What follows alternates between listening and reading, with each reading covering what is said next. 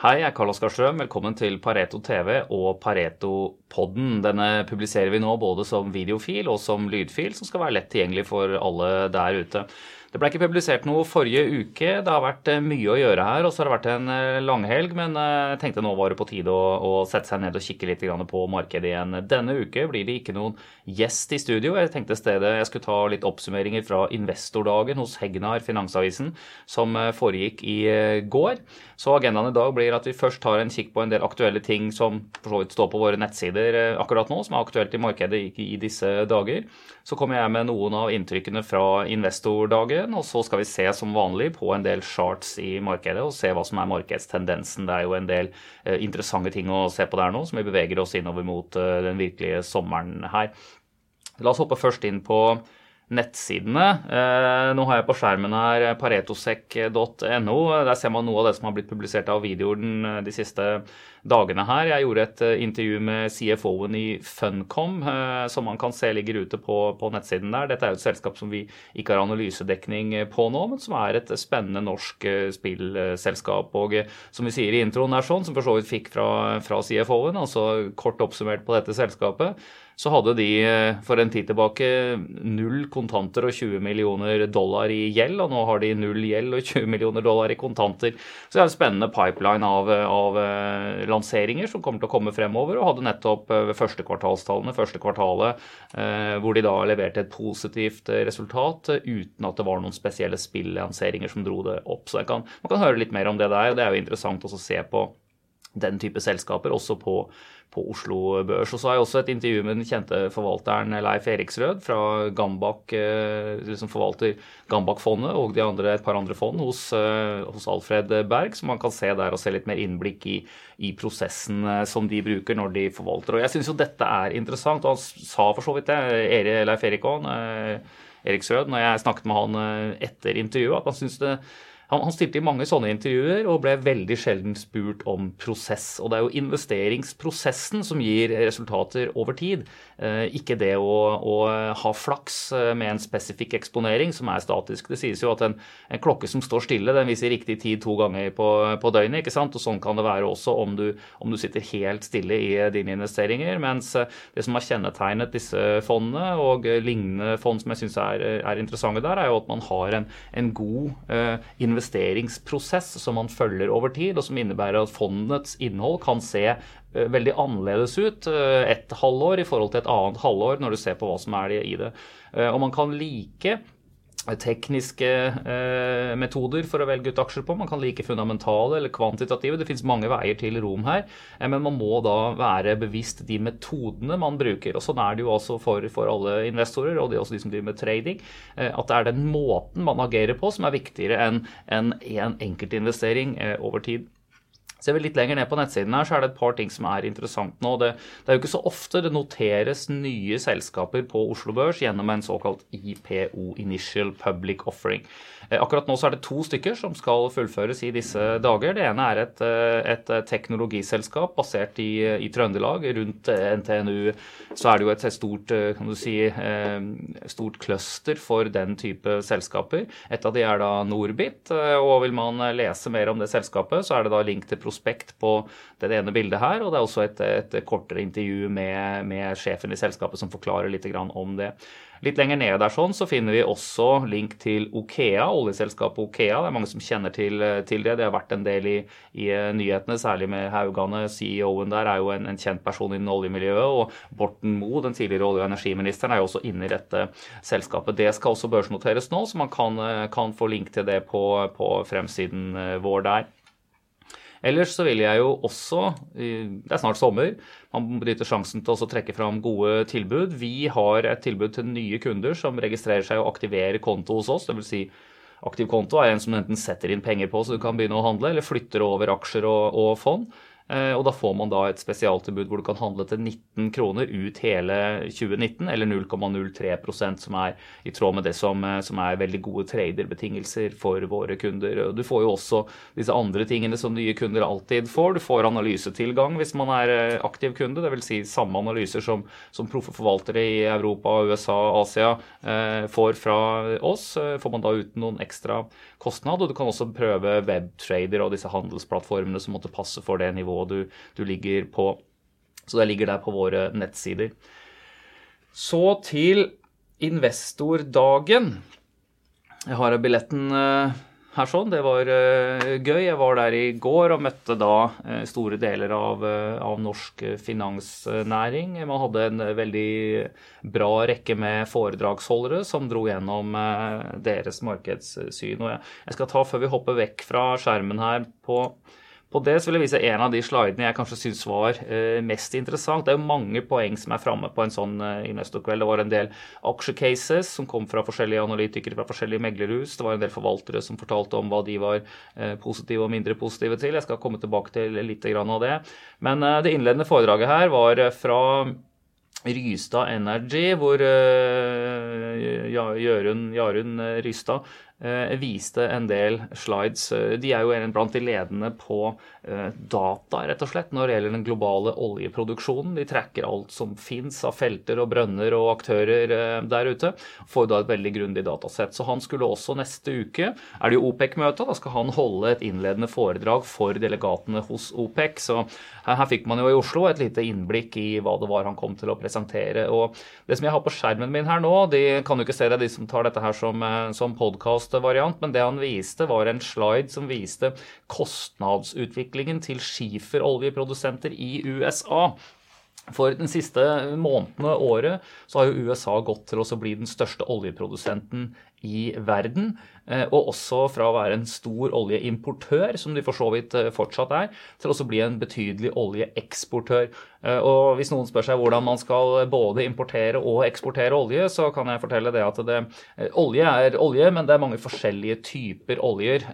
Du har alltid fra tung olje, som jo nesten ligner på på flytende tjære og asfalt, ikke sant, til svært lett olje som flyter, flyter lett og er nesten gjennomsiktig.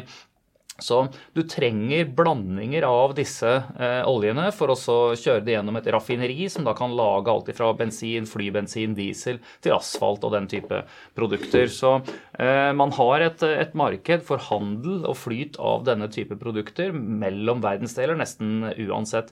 Men det er jo åpenbart eh, at eh, med å bli en veldig stor oljeprodusent, så trenger USA eh, mindre oljeimport. Eh, det som også vokser fram, uten at jeg skal gjøre det til noe poeng nå, er jo et, et enormt marked for innenlandsk gass. Eh, for når du har disse fracking-oljebrønnene, altså driver med skiferoljeproduksjonen, så får du også ut mye gass. Eh, gass er ikke fullt så lett å eksportere. Eh, men leser man våre shippinganalyser, så ser man jo også det at det bygges en masse terminaler for å shippe en del av denne gassen til ja, særlig Asia, hvor de bruker det i kraftverk. Men det gjør jo også at energikostnadene i USA for amerikansk industri kommer betydelig ned, fordi gass er like, rikelig tilgjengelig og er billig. Eh, så, så, det er en, en, annen eh, del av det, for så vidt noe av det som bidrar til en liten reindustrialisering av USA i, eh, i disse dager. Ofte så er jo energi, prisen på energi er egentlig utslagsgivende for hva man kan få til her i, i verden. Men, men, det som er på skjermen her sånn, er da rett og slett tre grafer. Viser januar 2016 på den ene siden her, i midten januar 2018, og den tredje nå mars 2019. Som viser da hvilken oljepris må til for å gi 10% avkastning? For, eh, altså Hvilken oljepris må til for å gi 10% avkastning, som typisk er det de må ha for å i det hele tatt drive disse, disse skiferoljeprodusentene? Ehm, og hvilket volum, produksjonsvolum de kan tilby eh, til den prisen. I teorien er jo dette her, for så vidt. Og det vi ser er at det skjedde et kjempeskift fra 2016 til 2018, hvor det rett og slett ble mye billigere å produsere skiferolje som følge av, av effektiviseringer av eh, produksjonsteknologien. Og så har det vært et, bare det siste året, ett og et halvt år her, et betydelig skift nedover igjen. Og Det kurven egentlig her viser, er at på 50 dollar eh, olje. Det er 50 dollar den amerikanske oljen eh, her, vil jeg anta. Det står ikke spesifikt på skalaen. På 50 dollar eh, amerikansk olje, som tilsvarer ca. 60 dollar nordsjøolje, som er omtrent der den handles nå, så vil med 10% avkastning på egenkapitalen amerikanerne produsere en nesten ja, skal ni se det blir der da, 18 millioner fat. Produksjonen nå er om, om dagen Produksjonen nå er rundt 12,4 var vel det siste tallet der. sånn. Så, og du ser en ganske flat kurve utover her også, som vil bety, eh, slik jeg tolker det og slik han tolket det, at det er betydelig rom for at amerikansk oljeproduksjon kan komme til, og antageligvis vil, øke betydelig i tiden fremover, selv med lavere oljepris enn det vi har nå.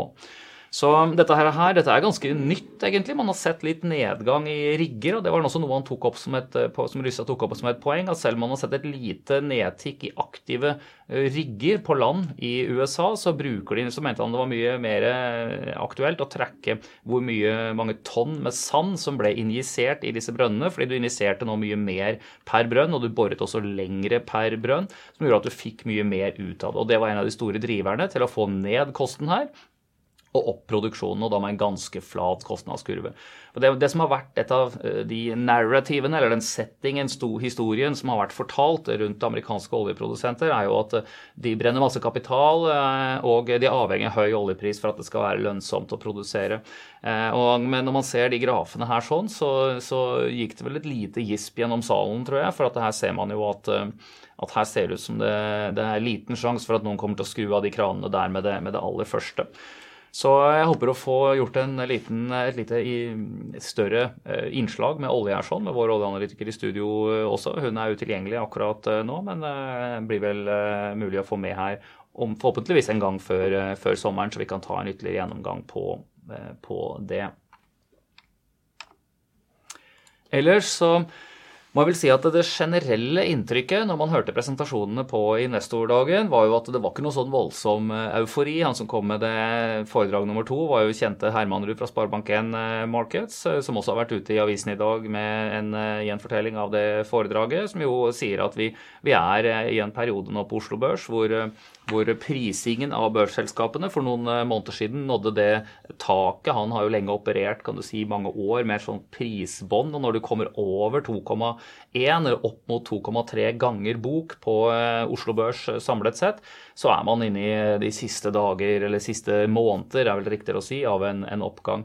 Og det var også slik at når et slikt tak ble nådd, 2,1, så pleier det å ta rundt 15 måneder før man fikk en betydelig korreksjon i priser. Eh, det skjedde når vi nådde taket for 13 måneder siden. Så nå er jo dette her ikke noe statistisk eh, grunnlag nødvendigvis for oss å si at det akkurat da skal, skal skje et fall. Men han trakk også frem dette at, eh, som jeg for så vidt syns er et veldig valid poeng, jeg snakket om det her noen ganger før også, eh, denne sesongeffekten hvor man gjennom eh, lengre tidsserier eh, ikke ser at det har vært noe spesielt god avkastning ved å sitte på Oslo Børs på sommeren, sommermånedene fra mai til september, vel, eh, oktober, nei, mai til november. Mens fra november og, og, til mai igjen så er det der all avkastningen har eh, kommet. Eh, min poeng på det er at når man ser på flere markeder og når man ser på lengre tidsperioder, så, så stemmer det at man har det generelle bildet, men, eh, men, det har i mer eller mindre grad i litt forskjellige markeder. Men det har også vært veldig store forskjeller fra år til år. Men det er utvilsomt sånn at vi er kommet inn i sommermånedene nå. Sommeren står foran oss, da kommer det til å være ganske stille. Og det er sjelden at markedet stikker virkelig fra deg på, på den tida der. Hvis vi nå tar og hopper tilbake til å se på, på skjermen her i, uh, igjen, så, så, skal jeg bare ha dette chartet liggende. Dette er SNP 500, et ukesdiagram. Hver stolpe er én ukes handel. Jeg har de siste fem årene på skjermen her sånn, og eh, skal bare ha det i bildet mens jeg sier litt mer om eh, investordagen. Da. Det, generelle bildet de fleste pekte på, og som kanskje ikke er, eh, kommer som noen sjokk på noen her sånn, etter at vi har sett en betydelig oppgang siden egentlig siste bunn i 2009, men man kan jo egentlig mer sammenligne med nivået 2010-2011, der lå børsen og dunket. 2009 var en voldsom innhenting etter finanskrisen og fallet i 2008. Eh, men så har det jo da vært, og det som vi ser på skjermen her, en betydelig oppgang. 2014, 2015, 2016 var det ganske flatt på børsen. Men så fra, fra starten av 2016 så har jo da SMP 500 flyttet seg fra 2000 til nesten 3000 poeng. Altså en, en 50 eh, oppgang. Eh, så har vi da fra, eh, fra oktober 2018, eller egentlig toppen, inngangen til 2018 er sånn, så nådde man én topp. Man nådde en ny en på ved august 2018. En ny en i, i mars-april nå 2019. Så det er liksom tre topper som peker seg ut i, i chartet her. Og så har vi hatt en, en reaksjon opp igjen nå, sånn at vi nå er oppe på på 2900 poeng cirka, På, på den indeksen. Så nær toppene. Men ehm, det var ingen av, så, så si, Vi er jo åpenbart ikke på en bunn. Vi er ikke på en bunn i markedet. Eh, samtidig så kan man ikke si her at det er etablert noe klar nedtrend. Det en del av talerne på investordagen uh, ga uttrykk for, var at de syns ting var uh, dyrt. Uh, ikke nødvendigvis dyrt i forhold til inntjeningen i selskapene, men det er veldig gode tider i selskapene nå også, så man kan si selskapene prises litt dyrere i forhold til sin inntjening enn det de historisk har gjort. Noe av det kan forklares gjennom at det er lav rente, men det er også sånn at selskapene har nær rekordhøye marginer i mange sektorer akkurat nå. Så man, man prises med en litt høyere multiple enn vanlig på en litt høyere inntjening enn vanlig. Eh, så spørsmålet er liksom hvor opprettholdbart er dette her over tid.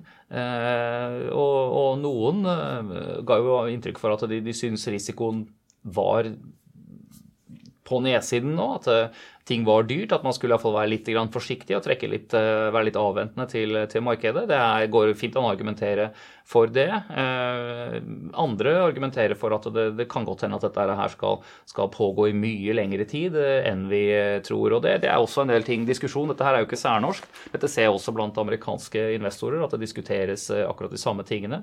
Det kan hende at vi vil se det samme som vi så i, i 2015-16, at, at, denne perioden med litt sånn sidelengs utvikling, og egentlig som jo henger sammen med en viss earnings recession også, altså en, en ikke stigende inntjening per aksje år over år, eh, for SMP 500 i tilfelle, som jeg har på skjermen her. Når den ikke stiger, så pleier ikke kursen å stige heller. Eh, det kan hende at den perioden vi eh, nå er inne i, skal løsne på oppsiden når den da blir ferdig. Eller kan hende, det vil den jo før eller senere gjøre uansett. Men, men spørsmålet er liksom om det vil skje nå, er jo det de fleste lurer på. Så la oss eh, si at det på det chartet her er ikke, er ikke, klart å fastslå. Det vi kan se, er at vi går inn i en, eh, en eller annen form for range som kan nesten trekke en eller annen linje rundt de der toppene her. ikke sant? Altså si at, eh, at oppunder 2900-2950 på SMP 500, der har det toppet noen flere ganger nå.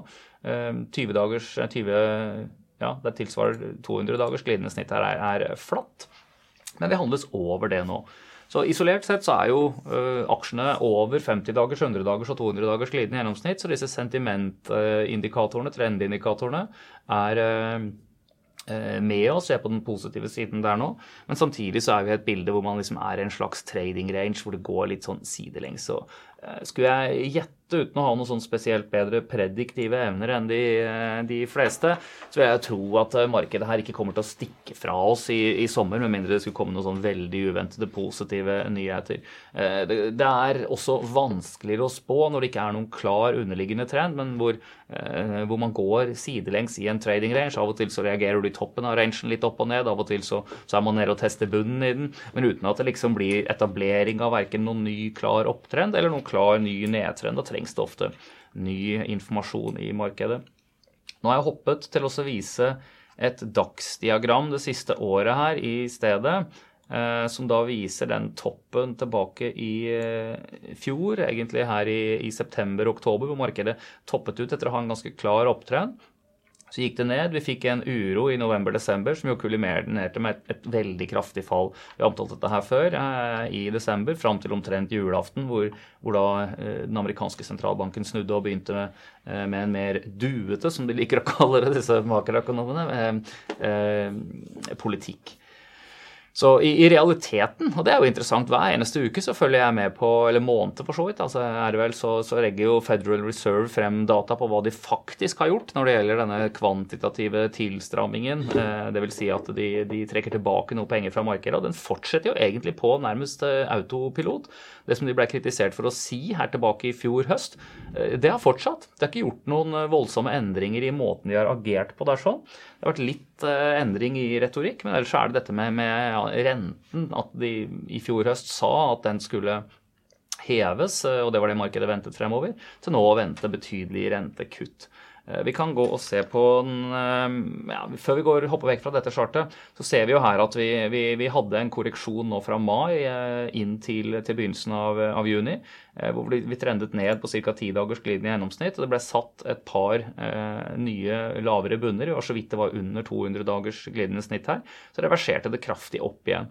Og du, du tegnet en, en, morning star candlestick her nede, som var et lite kjøpsignal for de som bruker den metoden. Tilsvarende her oppe nå så, så ser det ut som, eh, som eh, den indeksen sliter med å gå noe særlig høyere. Men vi har sett den type candlesticks før. Eh, men hvor det da har, har, etablert seg videre og opptrend ut av det. Men denne reaksjonen ned var ganske kjapp. Reaksjonen opp de siste halvannen uka har vært enda raskere. Og ofte så trenger sånne bevegelser litt mer tid på å konsolidere. Jeg skal hoppe inn og se litt på den amerikanske renten her. Da henter jeg benchmark-renta. Tiåringen er ofte den jeg ser på. Og her ser vi jo en annen trend som har vært betydelig klar egentlig fra i november, hvor den eh, amerikanske tiårsrenten eh, to ganger nådde en dobbel topp rent teknisk. Touchet 3,25 eh, altså Da betydde det at da kunne du kjøpe amerikanske statsobligasjoner og få 3,25% rente i ti år hvis du holdt det hele veien. Eh, så, så, det er jo faktisk en ganske ok rente, og ikke så langt unna det som man på en måte i skolebøkene kanskje kaller en, en nøytral rente. Noen vil jo si opp mot 4 der, men det kan man diskutere lenge og vel, og det gjør også makroøkonomer. Så, eh, men uansett, altså det var et, et, et ja, nesten normalt rentenivå, vil jeg si, her oppe. Eh, så har jo denne sklidd betydelig tilbake, og fra 3,25 så ser vi nå 2,10, eller 2,12. Eh, mer enn 1,1, mer enn 110 basispunkter, som man sier, lenger ned. Hva fører dette her til? Jo, eh, refinansieringsrenten for en del selskaper er jo selvfølgelig nå mye lavere. Ofte så har de denne form for benchmark-rente, og så har de et påslag. Vi skal se litt på det påslaget også, et kredittpåslag, når de da skal legge ut nye lån i markedet. Eh, og at finansieringskostnaden på selskapene kommer ned, det er positivt for verdsettelsen til selskapene. Eh, det er også dette her med alternativ avkastning på 3,25% Så er det kanskje en del, en del eh, av de konservative investorene som sier at ja, det er jeg fornøyd med. Eh, mens på 2,15% eller 2,12 så er det færre som er fornøyd med den avkastningen, og da søker til, til aksjemarkedet sant, for, for å få ekstra avkastning, og det er gunstig. Så la oss huske 2, ja, runde av til 2,1 og si det er liksom det som er, er referanserenten der nå skal jeg se på iTracks crossover, som bare er en sum av disse kredittpåslagene. Der ser vi en ikke fullt så klar trend. Vi ser et mer sidelengs utvikling gjennom året. Vi ser også her at i, i november-desember så toppet jo den seg med 3,75. Så da hadde du altså 3,25 pluss 3,75. Da, da er du jo på 7 eh, og det er liksom det som, eh, som, en del selskaper da måtte betale for å, å finansiere seg. Nå er du på 2,72 Eh, her sånn, i en snittrente, pluss da den som vi så på på 2,1 i stad. Da er du på, på 4,8 må det vel bli, da, hvis jeg regner sånn noenlunde riktig i hodet. Eh, så det er klart at det, det er blitt vesentlig, det, det, vi ser her nå, de siste månedene, vesentlig billigere for større og mindre selskaper innenfor det corporate bonds, selskapsobligasjonsmarkedet, å finansiere seg. Og selv om man eh, stort sett, de fleste som ser og lytter på dette her, er jo opptatt av, av aksjemarkedet, så må man alltid huske at for selskaper så er det jo aksjemarkedet det, det er dy, altså Aksjekapitalen er den dyreste kapitalen deres. De går helst ikke til aksjemarkedet for å skaffe mer kapital, med mindre man er nødt til det, eller det vil være ansett som gunstig eh, ellers, eller liksom tiden er inne for, for det. Det fins en rekke hensyn til det. Men, men når du skal hente kapital, så er jo ofte lånekapital billigere. Eh, og det at prisen på lånekapital kommer ned, er positivt for de som skal, med, som skal finansiere nye investeringer. Det er også positivt når du skal rullere over eksisterende gjeld. Så dette her er, eh, det er en stimulans til markedet at du har et, et, en, en, relativt lav rente tilgjengelig i dette markedet her. Og det er også eh, et tegn når da kredittpåslaget kommer ned, på at markedet kan du si, er åpent, som man kaller at det, det går an, og at det er interesse for eh, blant selskapene å utstede nye selskapsobligasjonslån. Ser vi på Nasdaq som er litt mer tech-tung her. Jeg kan ta, faktisk ta en ETF XLK. som er rent på teknologisektoren. Der ser vi jo faktisk at her i april-mai så satte man ny all time high for eh, tech-sektoren. Så har det vært en ganske betydelig korreksjon som eksakt var nede og touchet 200 dagers glidende gjennomsnitt, som for øvrig er ganske flatt gjennom det siste året her. Så også der ikke noe klar opptrend, men en slags range. Det har vært ganske klare kan du si, trender underveis her. Eh, og så har man hatt en, en, korreksjon opp igjen som har vært svært eh, rask de siste halvannen ukene og som har tatt oss opp til dette nivået her. Eh, og jeg kan jo si, eh, jeg sitter jo selv ofte i mye tech-fond. Jeg liker eh, den sektoren og syns det er morsomt også å handle litt ut og inn. Jeg har da benyttet Jeg kom inn noe feil her når denne trenden var så klar og man trodde at, at handelsavtale skulle komme igjennom. Markedet reagerte ganske ok på det, så, så man fikk en liten, liten dip her. Men jeg har egentlig benyttet siste dag, eh, to dagene til å redusere posisjonene litt. Grann, i, eh, fordi at nå er vi igjen på et høyt nivå, men også i forkant av, eh, av sommer og ferie, og at man ikke skal sitte så tett på, på markedet. Så mens på langsiktig så er man jo er man selvfølgelig eh, optimist, og man kan gå inn og se på en del av disse selskapene også, og se hvordan de prises det. Det systemet jeg har oppe her nå, som jeg bruker til eh, å vise chartene på, er jo Infronts Active Trader, som er den mest avanserte av de handelsplattformene vi tilbyr til vanlige privatkunder. Det fins jo noen institusjonelle kunder bruker Bloomberg og den type ting, men, eh, men både meglere, tradere, mange investorer bruker, uh, bruker Infont Active uh, Trader. Så Det er et ok eh, program hvor du også kan gjøre en masse tekniske analyser, følge med en masse markeder rundt omkring i verden, eh, men hvor det også finnes massevis av screeningverktøy og fundamental informasjon, eh, estimater etc. tilgjengelig. Eh, det er jo ulike pakker på dette her sånn ettersom hva man, hva man, har bruk for. En del av dette koster jo selvfølgelig penger, men, men, dette er jo det som investorer kaller kostnad til inntektservervelse, eh, hvis man eh, driver med denne type ting. Vi har en enklere versjon av denne, den såkalte webtraderen, tilgjengelig for, eh, for de som, eh, som, har dette med på hobbybasis. Så eh, de produktene finner man under handelstjenester på nettsiden vår. Så kan man se litt og, og, og prøve der det er prøveabonnementer på dette her. Det gjelder å ha de verktøyene man trenger uh, for å gjøre den jobben du skal gjøre. Det er jo det som, som er viktig, uansett hva det er man skal drive med. Men, men. Vi ser også her en slags uh, range gjennom det siste året. Ganske flatt 200 dagers glidende snitt. Vi er nå oppe uh, nær det, toppene her. Det har bare vært en ukes tid hvor det har vært uh, i historien hvor det har vært høyere priser i rene tall da, på, på, denne sektoren. her sånn. Um, så det, kan vi bla inn på en, en, rekke aksjer hvis man skulle gjort det, og sette noen som drar ned, og andre som drar opp. Jeg kan ta et par eksempler, for så vidt. da. Hvis vi tar Apple så ser vi at den handles et godt stykke under forrige eh, topp her, men har kommet litt opp på den korreksjonen vi har hatt i de siste dagene. Eh, Facebook også ligger jo et godt stykke under eh, forrige topp her. Begge disse er blant de høyest prisa selskapene i verden. Eh, jeg vil også trekke fram Amazon her, som da ligger mer opp mot forrige topp eh, igjen. Og vi kan jo ta Alphabet eller Google igjen her og se at den faktisk handles nær uh, de laveste kursene siste året. Uh, selskaper som også ligger i en god del av disse um, ja, som nesten ikke skulle tro definertes som tech, men det er jo faktisk slik som Visa. Litt artig å kikke på disse her betalingskortselskapene og se hvordan de handles nå Eh, på helt rekordkurser. Både Visa og Mastercard har chart som dette her. Og når du finner amerikanske selskaper som har én bokstav i tikkeren sin, da har det vært ganske lenge på børs. Så det er, eh, det er, alltid interessant. Men, men. Det er mye spennende å se på i de amerikanske sektorene. Før vi hopper derfra, så skal jeg ta og kikke litt på eh, de vi var inne på i stad. Det fins eh, en ETF for eh, ukonvensjonell olje og gass. Eh, altså nettopp de som driver med den form for skifergass og skiferolje som vi snakket om her tidligere i eh, sendingen. Um, og det vi ser her er at de handles nær årets lav, men ikke fullt så ille som det var under de verste dagene i, i desember og inn i, i januar. Så aksjekursen i disse spillerne her, iallfall de rene selskapene som opererer innenfor den sektoren. Det er jo mange av de som ikke er listet også, eid av PE-selskaper, pluss at de store oil majors har betydelig virksomhet innenfor det der.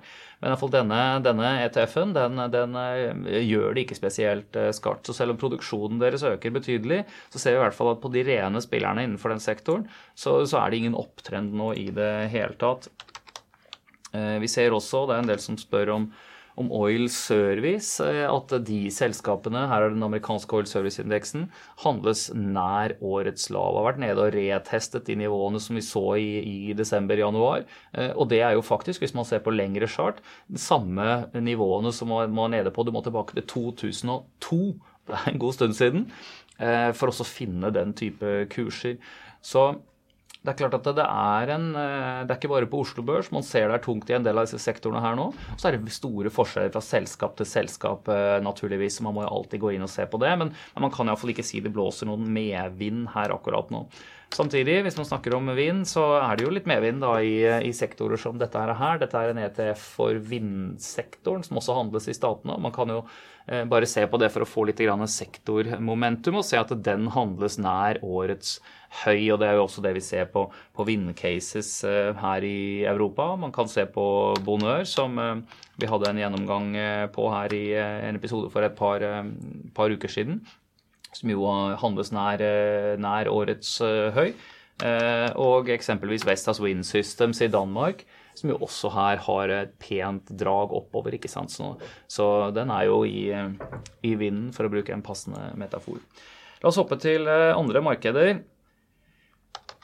Deutsche Aksjeindeks. Hva kan man se på den her? Eh, det er egentlig ikke så fryktelig mye. Hvis vi ser, tenker på Det chartet viser, er ett års kurshistorikk. Vi er under der vi var for ett år siden. Så det å være tysk investor i aksjer eh, har på indeksnivå ikke vært noe gunstig det siste året. Og det henger jo naturlig nok sammen med de svake makrotallene vi også ser fra fra Tyskland. Eh, det er iallfall en av de forklaringsfaktorene. For dette er jo mye industriselskaper. At det ikke går noe sånn direkte opp der. Samtidig så har vi kommet oss betydelig opp fra det som var nivåene ved årsskiftet. Og man er jo inne i en slags, eh, riktignok noe bred opptrend. Det går an å tegne et slags bilde av, av stigende topper og stigende bunner. Helt pent eh, blir de ikke her sånn.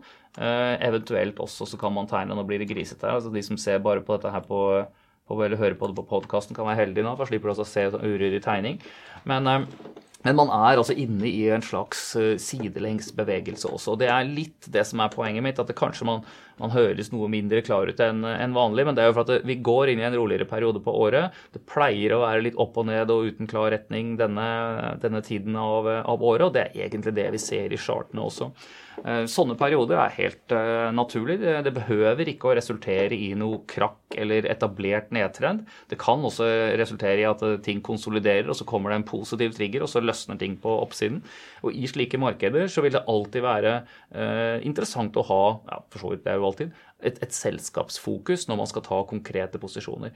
Når jeg kommenterer disse indeksene, så er jo det ting man kan handle, enten gjennom å handle aktivt forvaltede fond i disse regionene. Man kan handle indeksfond og ETF-er i disse regionene, men det sier jo litt om liksom hva som er den generelle med- eller motvinden, det generelle klima øh, og stemning i disse øh, markedene. Og, øh, og, det er alltid sånn at det er lettest å, å finne stigende aksjer i stigende markeder også.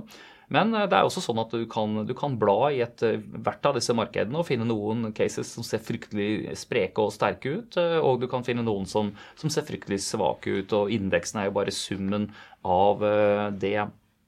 Det er også det for, Man har et mål gjerne som heter beta, som jo går på hvor daglig eh, samvariasjon med indeksen, men det behøver ikke å bety så mye når du ser, ser eh, det over tid. og Det vil være noen aksjer som har relativ styrke, andre som har relativ svakhet. Eh, enkelte ting er skyldes eh, sektorsentiment. Noen sektorer har betydelige makrodrivere som driver de oppover. Andre har eh, makrodrivere som kanskje driver det nedover. Og så har du sektorer som er sykliske, som svinger veldig med business-syklusen eller den makroøkonomiske syklusen. Så Det er det som er så morsomt med markedet, at man kan finne litt av eh, hvert her. Og eh, ofte så får du eh, Det er vanskelig å si, det er ingen som kan si at, at vil jeg nesten si ingen som kan si, vil jeg si, at, at fundamentalanalyse er bedre enn teknisk, eller at teknisk analyse er bedre enn fundamental, eller at kvantitativ analyse er bedre. Dette er forskjellige metoder som alle har noe for seg, og som gjerne må kombineres. Og kombinerer man det, så får man en god forståelse for markedet både finner gode og sunne selskaper med fundamentale modeller, eh, timer eh, de riktig eh, i forhold til tekniske vendepunkter og trender, og bruke kvantitativ informasjon til å se hva som kanskje er de beste bettene, eller ta eksakt posisjonering ut ifra når det skjer utslag. Ofte så er jo det det investorer gjør, de følger med på et godt selskap, og når det når en en viss pristrigger, hvor de syns dette, jøss, dette er ekstremt billig, er det sjelden du får det selskapet på sånne multipler f.eks., så gjør man et kjøp, og så sitter man med det til du liksom plutselig ser at oi, det er sjelden dette selskapet over en sykkel er så dyrt. Så selger man kanskje. Så, så, så, så her er det mange approacher som gir, eh, som gir payoff. Det er jo sånn på, på, mange andre områder også at det finnes mange måter å gjøre ting på. Det det gjelder, er ofte å, være litt, å forstå de metodene du bruker, og være litt tro mot dem. OMX S30, ingen markedsgjennomgang eh, komplett uten å se litt på Sverige, men jeg tror jeg nesten skal hoppe videre med en gang her. sånn. Vi ser relativt flate 200-dagers glidende gjennomsnitt. Vi ser et salig rot når det gjelder alle de andre kortere glidende gjennomsnittene. altså hvordan oppsummerer man det? Jo, ingen eh, klar trend, og vi er også ganske nær midten på dette her. Så vi, vi er i en trading range med topper opp 1680 til 1700-nivået, og med bunner som vanskeligere å definere noe helt klart her, sånn, men har ofte vært rundt kan du si 15-20-15-10-nivået, kanskje 1500. Så, så, her har man en, en trading range på rundt uh, eh, 10-15 eh, som jo ikke er så uvanlig, men, men, igjen her, altså som sagt, det er store forskjeller på enkeltsektorer. Tar vi litt om oljen. Når man drar dette chartet, Brent eh, er dette her, det er nordsjøoljen, så man ser på den amerikanske, så prises den ofte rundt 10 dollar lavere. Eh, mange lurer på det, og man snakker om denne spredden mellom de også, og den, den påvirkes eh, ofte av transportkostnader. Eh, rett og slett for den amerikanske oljen, eh, hvor den, eh, den referanseoljen hører til Cushing i Oklahoma. Og der der eh, koster det kanskje f.eks. 10 dollar, eller nær det å få den ut til et raffineri hvor den andre kan komme inn på, fra sjøen. Så, så, så, og så er det litt forskjellige oljekvaliteter. Så justerer man for alle de faktorene der, sånn, så, så det være, så, så er de mer likt priset, og de svinger da i takt. Men det denne, denne spredden mellom VTI og brent, det er altså noe som, som eksperter kan, kan, snakke lenge og varmt om, og det skal ikke jeg prøve meg på. Men, eh, men det er ofte slik at den, den er ikke Uh, uforklarlig, i hvert fall. Den er, kan som regel forklares ut fra helt fysiske forhold, som transport og lagring og den type ting. Det vi ser her, er jo at uh, vi hadde en opptrend fra uh, årsskiftet, hvor hele markedet ble solgt ned, inkludert energi. Så steg oljen da fra 50 dollar til 75 ca. her sånn. Eh, hvor den toppet, lå der noen få dager, kom ned igjen til rundt 70, lå og dunket eh, på det nivået, før du da har fått et betydelig fall fra 70-ish og ned til 60. Så er eh, det ennå ikke noen klare signaler på hvor vi skal hen derfra, men, men det vi ser, er jo at oljen dunker mot 60, 60,5, 61 her. as we speak. man kan trekke denne her linja litt bakover og se at det har vært et nivå hvor den hvor den har eh, funnet eh, kan du si, noe teknisk støtte en del ganger før. Nå la jeg linja på 60 her, så nå ser vi at det er nivåer som det var en stabilisering på eh, over det nivået i desember. Så var den under kjapt, ned til 50, kjapt opp igjen. Det var ikke mange uker det var under der. Før den la lå en del uker ved 60 til 63 igjen, før den begynte å stable seg inn i en opptrend. Så dette her er et relevant teknisk nivå, eh, hvilket vil bety også at eh, brytes 60, så vil nok det bli av mange sett på som et, et teknisk salgssignal. Nå skal jo OPEC ha møte i uh, neste uke her, sånn, så, så, det kan jo være en av de triggerne som, som kan sende oljeprisen ut på en ny bevegelse igjen, hvis det blir noen klare mm, beskjeder fra, eller noen endringer i i eh, markedsoppfatningen. Eh, tilbud og etterspørsel er det som styrer dette her. Noen endringer på tilbudssiden er jo det som de, de, kan, de kan, styre eh, da. Men følg med på dette 60-nivået. Jeg tror at Får vi et markant brudd under det, så kan du fort få at nivåer her nede igjen skal testes. så Dette er ikke noe som som har noen tung fundamental vurdering på. Dette er en teknisk vurdering. Du får ofte et, et fall lik det du hadde inn i konsolideringen. og Legger vi det på her sånn, så ser man jo at det, da er vi nede i den sonen der igjen. Og den beveger seg veldig raskt fra det nivået opp igjen her sånn. Det kan også hende at dette nivået holder og at du får etablert en slags mer rolig opptrend. I så fall så er det første nivået du skal følge med på på oppsiden, er ti dagers glidende gjennomsnitt, som den møtte her på 64. Det, det trender ganske raskt nedover. Møtte de, Testa det igjen her i, i, går, falt av. Så rundt 62 på en måte er det første nivået på, på oppsiden som man skal, skal, følge med på. Så det er en ganske trang range her. Spennende å følge med på oljen de neste dagene. Så får vi ta som nevnt tidligere, en lengre gjennomgang når vi får eh, oljeanalytiker på plass i studio her sånn, som er eh, vesentlig bedre egnet til å, til å tolke dette enn meg. Og eh, her vil man også kunne lese daglige kommentarer på vår, vår kundeweb selvfølgelig på dette her. Oppsummert da, så har vi en, eh, en OCBX eh, her sånn, som i motsetning til det svenske og tyske markedet som vi så på eh, ja, Hvis man skal se på de markedene vi har sett så langt i dag, så så vi jo det amerikanske markedet er kanskje det som er sterkest. Men det har et relativt flatt 200 dagers glidende snitt, det også. Det tyske og svenske, også et ganske flatt 200 dagers snitt. Det går altså røftlig sidelengs.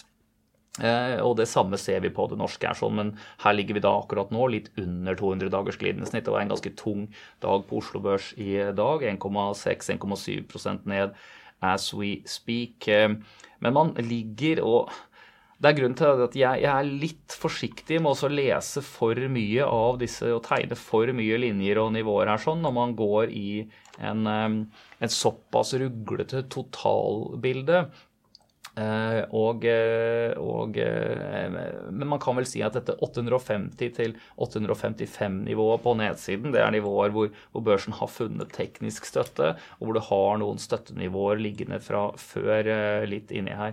Hva er et sånt støttenivå? Det er bare nivåer det har gått store volumer på, hvor det har vært en, tre, en, endring i bevegelsen, hvor den har snudd enten opp eller ned, gjerne flere ganger tidligere. Så, og momentumindikatoren er også ganske nøytral, hvilket vel betyr at det, det, er vanskelig å ha noe klar conviction på dette her nå. Egentlig, hvis jeg skulle gjette, så ser man denne her ruglete bevegelsen som har vart fra februar-mars, egentlig.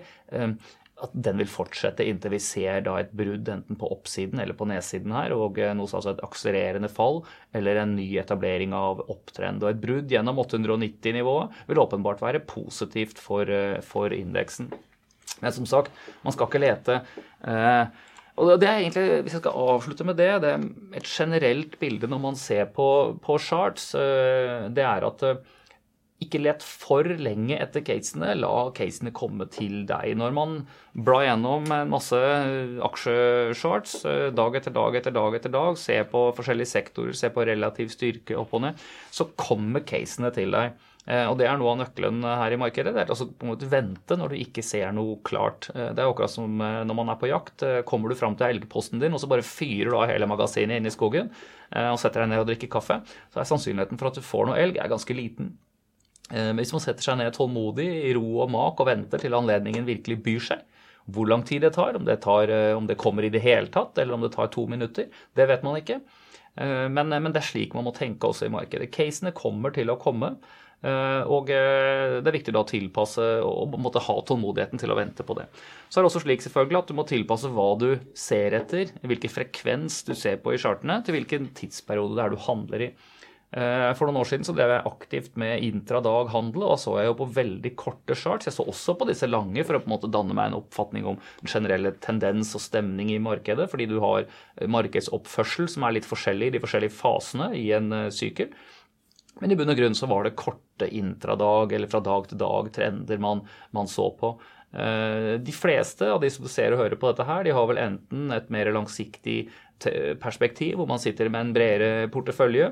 Eh, I så fall så er jo budskapet mitt at ja, vi kommer til å gå inn i en uh, sommerperioden nå. Noen syns markedet er dyrt. Det var oppsummeringen fra, fra finans fra, Nestor-dagen. Det er også en del å Eh, det er ikke så vanskelig å være uenig i det, men samtidig er ikke det nødvendigvis nok til å vippe markedet ut i noe bratt markedsfall. Men risken for det er jo åpenbart uh, til stede. Uh, så, og vi kommer til å gå inn i en periode hvor mange kanskje ikke sitter og får fulgt med på markedet hver dag heller, så da må man tilpasse seg etter det. Enten måtte, glem det, det skal ligge der langsiktig, jeg har en bred, fin portefølje, eller gjøre de justeringene man syns passer. For andre så er det jo selvfølgelig å spole inn, sette seg litt forover på stolen, ta en kopp kaffe, se gjennom chartene og se hvor man finner muligheter både på opp- og nedsiden, og se hvordan ikke minst markedet reagerer på endringer i det kortsiktige nyhetsbildet. Så det er, det er som en uendelig elv, dette her, av, av muligheter. og Eh, om en eh, går fra deg, så, så, kommer det alltid en igjen. Eh, det dumme er å løpe etter et eller annet som, som har vært, fordi du kommer litt seint inn i det. Fear of missing out, FOMO som det kalles. Det bør man ikke ha. Avslutningsvis, som jeg sa innledningsvis, for de som ennå ikke er kunder av Pareto, så er det et godt tilbud ute nå. Vi har alltid godt tilbud til nye kunder, og vi hjelper også nye kunder med å flytte over porteføljer. Vi har folk her som også kan hjelpe deg med å flytte ferdig belånte porteføljer.